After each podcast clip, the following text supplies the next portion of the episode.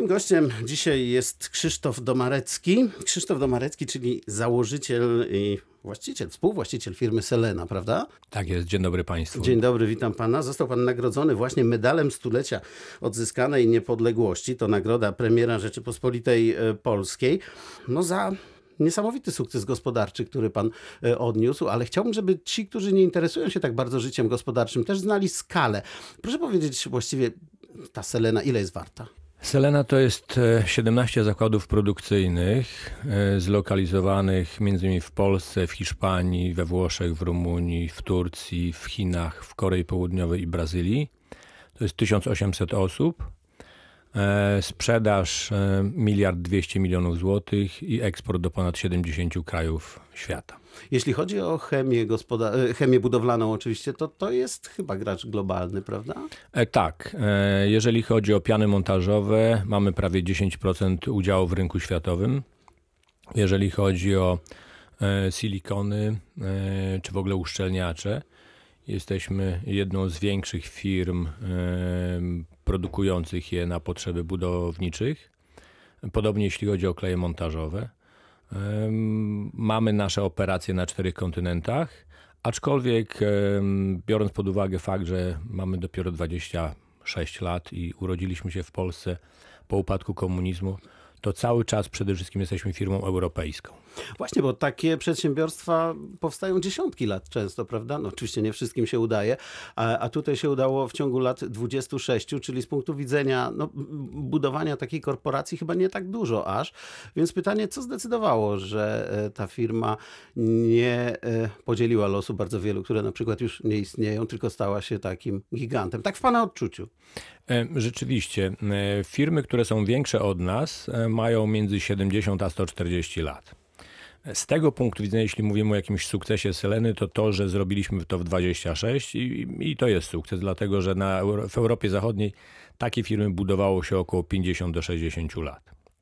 Jeżeli chodzi o czynniki sukcesu, to moim zdaniem trzy. Pierwszy to jest fakt, że w Selenie od samego początku postawiliśmy na produkty nowoczesne, wtedy nazwaliśmy nowoczesne, dzisiaj to się nazywa produkty innowacyjne, czyli na nowe technologie, które były stosowane w budownictwie. E, Kiedy w 1992 roku rozpoczynaliśmy e, nasz biznes, Cztery osoby, tak? e, w cztery osoby, tak, to w Polsce piany montażowe były znane tylko tym, którzy pracowali w Niemczech. Silikony podobnie. E, Dzisiaj to jest e, powszechny produkt, który jest e, dostępny w każdej hurtowni materiałów budowlanych. I tak jest do dzisiaj. Te nowoczesne albo obecnie innowacyjne produkty są tym pierwszym driverem. Drugim driverem e, było to, że udało nam się zgromadzić zespół ludzi, którzy e, łączą dwie cechy. Pierwsze, przeciętnie są to ludzie na bardzo wysokim poziomie intelektualnym, z reguły z wykształceniem wyższym, którzy jednocześnie e, mieli, byli głodni sukcesu. I bardzo często są głodni tego sukcesu do dziś. I to była druga cecha. E, Trzecia e, to to, że mm, e, zawsze mieliśmy wizję rozwoju na kolejne 5 do 8 lat do przodu. E, Czyli mieliśmy kierunek e, i wiedzieliśmy, w którym kierunku chcemy się rozwijać. Czyli nie podchodziliście do tego na zasadzie trwaj chwilę, jesteś piękna, tak? E, To była ta wizja, która właściwie na czym polegała? Przewidywaliście to, co być może trzeba będzie produkować w przyszłości, w którą stronę pójdzie rynek, robiliście badania, jeśli o to chodzi, jak to działa? Obserwowaliśmy wszystkim świat i obserwowaliśmy zmiany e, w otoczeniu w zakresie materiałów budowlanych. Jeśli chodzi o mm, tą prostszą rzecz, czyli zmiany w otoczeniu materiałów budowlanych, to od zawsze obserwowaliśmy, co potrzebują wykonawcy, pracownicy na budowie i staraliśmy się rozwiązywać ich problemy i pod to projektowaliśmy produkty. E, Ja przypomnę, że Selena e, ma oddzielny dział badawczo-rozwojowy, który na dzisiaj zatrudnia ponad 50 chemików i ten dział, zlokalizowany zresztą tu na Dolnym Śląsku w Dzierżoniowie, e, projektuje e, wyroby na, na cały świat. Natomiast drugi element wizji to było przewidywanie zmian, e, czy rozumienie zmian w całej ekonomii. Czyli w momencie takim, kiedy koniec lat 80., początek 90. oznaczał bardzo duże przyspieszenie globalizacyjne, to nam z analizy teoretycznej to wyszło, że ono następuje. E, I mimo, że wtedy jeszcze Polska nie była w Unii Europejskiej, e, a większość procesów to jeszcze miała charakter postkomunistyczny w naszym kraju, to myśmy już myśleli nie tylko o ekspansji w Polsce, ale o ekspansji globalnej. No to bardzo ciekawe, wie pan, bo y, nie pomyślał pan wtedy, tak na początku lat 90., no tak, my tu jesteśmy polską firmą, nasza ekonomia jest jaka jest, y, kraj jest y, gospodarczo zrujnowany, można powiedzieć, jeszcze w 92 roku. To przecież tacy, nie wiem, Amerykanie, Niemcy, którzy w tej samej branży będą pracowali, to nas, że się tak wyrażę, czapkami nakryją tutaj. W ogóle niewielka szansa na to. Nie było takich obaw? E, tak, na początku lat 90. rzeczywiście nasze cele były bardziej ograniczone. E, pierwszym celem było zbudowanie e, sprzedaży na cały kraj. Mhm. Pamiętajmy, że wtedy nie było autostrad. Ani dróg, ani nawet firm logistycznych nie było, które by pokrywały cały kraj. W związku z tym zbudowanie sprzedaży w krótkim okresie na całą Polskę było wyzwaniem. Dzisiaj niewyobrażalnym, ale tak. A później drugim mm, wyzwaniem, jeszcze wtedy lokalnym, było zbudowanie porządnej produkcji. E, w ciągu. Czyli mieć, mieć towar i sprzedać towar. Tak. Czyli wszystko. E, produkcji, bo myśmy najpierw byli firmą, myśmy zaczynali jako firma handlowa. Myśmy dopiero po czasie, po kilku latach zaczęli dobudowywać zakłady produkcyjne do już istniejącej sprzedaży i w ciągu czterech lat postawiliśmy na Dolnym Śląsku trzy zakłady produkcyjne.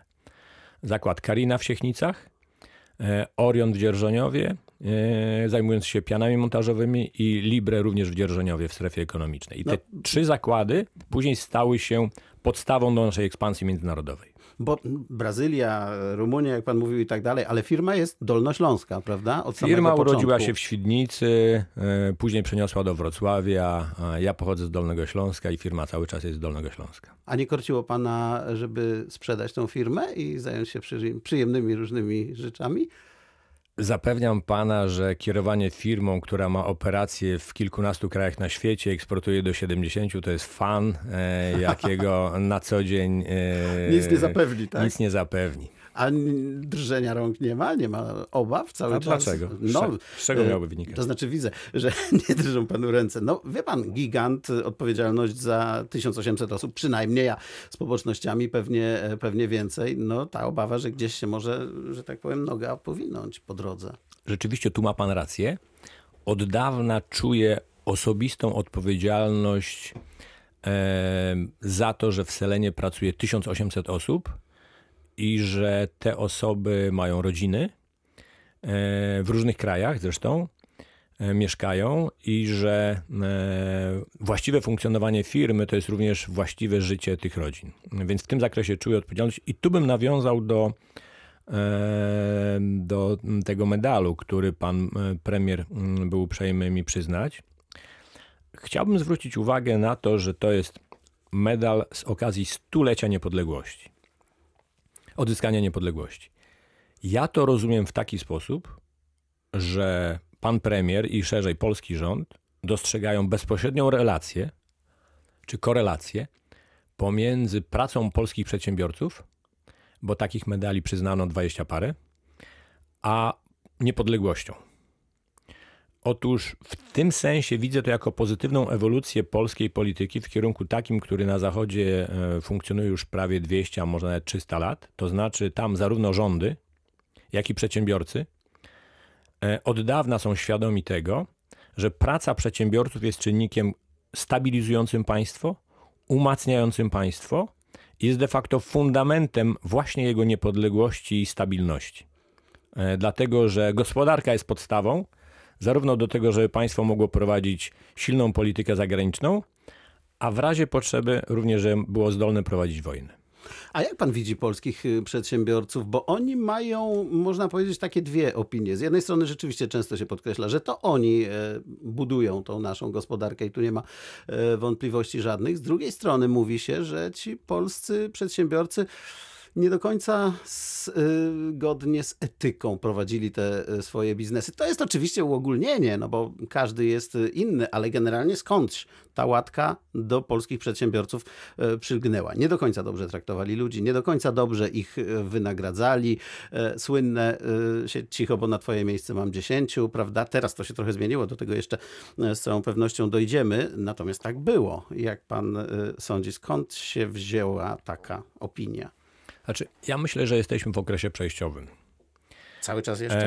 E, tak. E, pamiętajmy, że to jest cały czas dopiero pierwsze pokolenie przedsiębiorców. E, powoli, powoli jest w fazie przekazywania e, tych firm e, do, do kolejnej generacji. Ale tak naprawdę to jest pierwsze pokolenie, a nie siódme czy dziesiąte.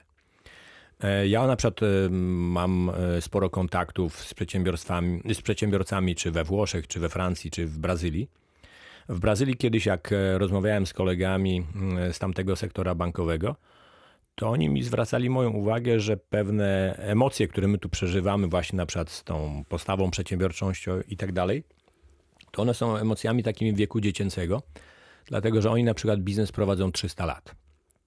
I tam od 300 lat nie było wojny.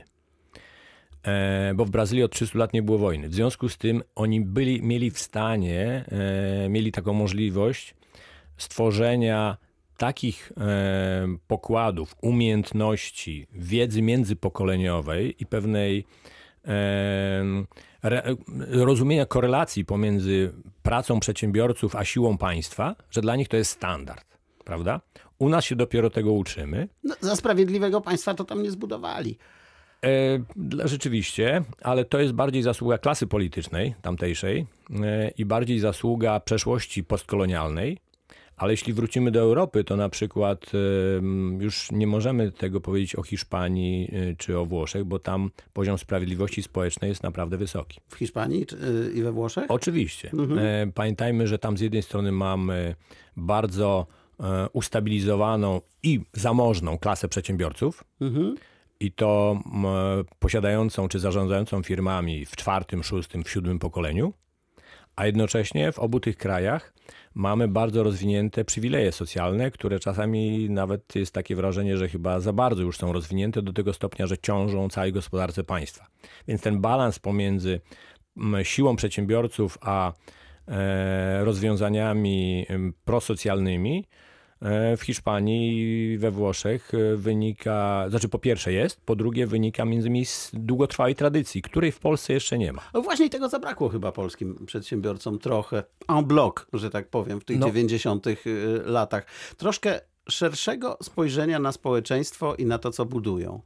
Ale nie miejmy do siebie pretensji, ja że się mam. dopiero wyszliśmy wszyscy wspólnie z komunizmu. Ja tylko zauważam. Rzeczywiście tak. Wszyscy wspólnie wyszliśmy z komunizmu i E, i każdy pracował tak, jak potrafił.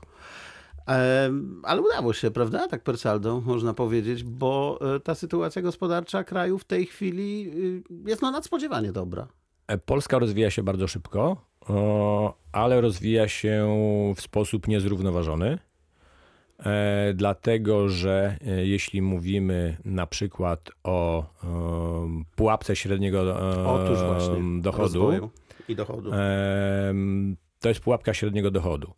E, to ona wynika między innymi z faktu, że mamy bardzo dużą przewagę, e, nie, nieproporcjonalnie wysoką w skali światowej, własności zagranicznej w polskiej gospodarce nad własnością krajową. I to no. bez podziału na firmy polskie i firmy prywatne i państwowe. No ale skądś ten kapitał by się musiał wziąć? W związku z tym trudno się, trudno się dziwić z jednej strony, a z drugiej strony Pan się na przykład oburza, jak pan słyszy, że e, wielkie zagraniczne inwestycje, choćby takie jak te dolnośląskie tutaj, no, dostają ułatwienia od rządu, pieniądze krótko mówiąc, znaczy, zwolnienia? Znaczy, niewątpliwie e, polscy przedsiębiorcy nie są równoprawnie traktowani przez kolejne rządy w stosunku do przedsiębiorców zagranicznych. E, ułatwienia, jakie dostają przedsiębiorcy zagraniczni, łącznie z gotówką, albo łącznie z ulgami, no są niepomiernie większe niż u, ułatwienia dla przedsiębiorców polskich, ale to między innymi będzie wpychało nas właśnie w tą pułapkę, dlatego że ja dam taki przykład. Selena ma centralę w, w, na Dolnym Śląsku, we Wrocławiu. My jesteśmy centralą firmy międzynarodowej, a nie filią. Co to oznacza? To oznacza, że wykonujemy funkcję centrali i w związku z tym kreujemy ponad 200 wysokopłatnych miejsc pracy. Tu. Po- Pod pojęciem wysokopłatnych mówię o zarobkach powyżej 10 i 15 tysięcy złotych, a czasami jeszcze wyższych. E, W takich obszarach jak marketing, sprzedaż, logistyka, e, centralna księgowość, zarządzanie finansami, e, PR, to są wszystko stanowiska zarezerwowane dla centrali. Polskie montownie firm międzynarodowych takich nie, stanowisk tak, nie ma takich prac. oferują dwa czy trzy, No właśnie. Prawda? Tak. I tak długo, jak długo będzie ta dysproporcja, ja mówię- jedynie mówię o dysproporcji, bo ja się bardzo cieszę, że tu przyjeżdża tak dużo firm zagranicznych, bo oni też uczą nas, e, jak e, e, uczą nas przede wszystkim nowych technologii, prawda? Tym niemniej zwracam jedynie uwagę, że tak długo, jak długo taka dysproporcja będzie, tak długo będziemy tkwili w tej pułapce średniego dochodu i zachodu nie dogonimy. I za chwilę wrócimy do rozmowy.